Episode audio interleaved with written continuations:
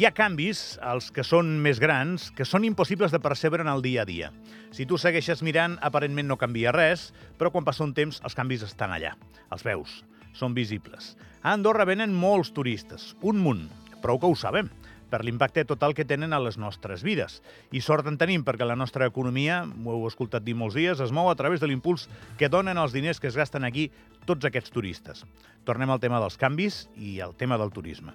Ja fa bastant de temps que, tret del tabac i l'alcohol, igual els perfums també, les coses no són més barates, o molt més barates, a Andorra que a Espanya o França o almenys no prou barates com perquè la gent faci un viatge per comprar un rellotge o un telèfon mòbil o una tele, com es feia abans, o, ja no existeixen una cadena d'alta fidelitat. No sé si us recordeu, però allò se'n compraven moltes. Allò ja no existeix. Ha passat a millor vida, eh? Aquella frase de «más barato que en Andorra», que qualsevol comerç feia servir a Espanya per publicitar els preus baixos, ha passat a la història. I tot i això, els turistes continuen venint, i continuen venint a carretades, i compren bastant. Potser no tant i no tan compulsivament com abans, però compren. I, I el sector del comerç dona feina a un munt de persones a Andorra gràcies a que els turistes compren.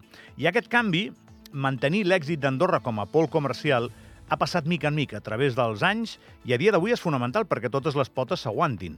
Per una banda, l'esquí és el tòtem que era, i ara notarem que ve la temporada d'hivern, però ara el tema està lluny eh, de ser un esforç en solitari.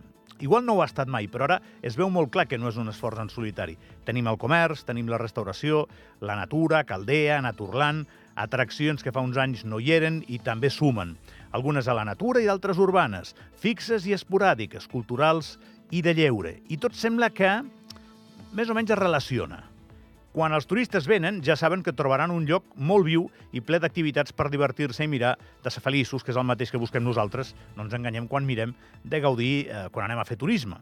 Avui diem tot això perquè aquest edifici té una arquitectura que es compensa a partir d'uns equilibris que no sempre han estat molt treballats o no col·lectivament eh, treballats, però que funcionen. La prova la tenim amb el munt de turistes que venen no és només el roc del què o no són les fonts de colors, és, és tot plegat. És un idioma que més o menys s'ha anat gestant a través dels darrers 15 o 20 anys.